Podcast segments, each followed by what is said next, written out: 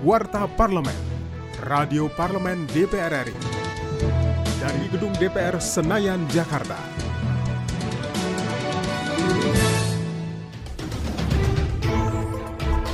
Untuk memperkuat fungsi dan tugas parlemen, Badan Kalian DPR RI mengadakan rapat koordinasi dengan perguruan tinggi di seluruh Indonesia yang berlangsung di Wisma Gria Sabah, Kopo, Bogor, Provinsi Jawa Barat. Kepala Badan Kalian Sekjen DPR RI Inosentio Samsul mengajak perguruan tinggi di Indonesia berkolaborasi dalam melahirkan gagasan-gagasan baru. Undang-undang yang dihasilkan dari kerjasama BKD dengan perguruan tinggi di antaranya adalah Undang-Undang Energi Pertambangan Mineral Batu Bara dan Undang-Undang terkait pembangunan jalan yang dibahas di Komisi 5 DPR RI.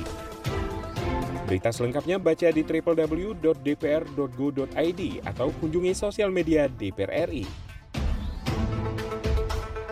DPR RI mendorong pemerintah memperkuat Badan Keamanan Laut atau Bakamla demi meningkatkan efektivitas penegakan hukum di wilayah laut Republik Indonesia.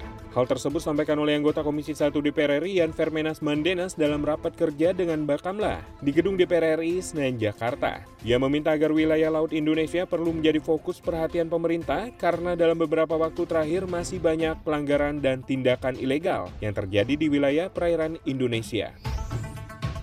Berita selengkapnya baca di www.dpr.go.id atau kunjungi sosial media DPR RI. DPR RI mengatakan rencana pengembangan desa wisata memerlukan pendampingan dengan kolaborasi antar kementerian lembaga.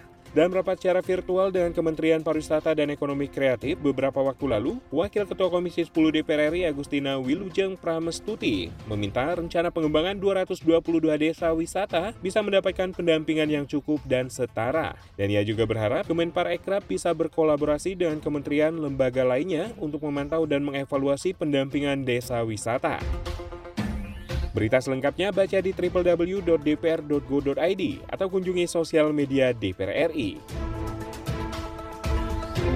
Demikian Warta Parlemen, Produksi TV dan Radio Parlemen, Biro Pemberitaan Parlemen, Sekretariat Jenderal DPR RI. Saya, Edo Da Vinci.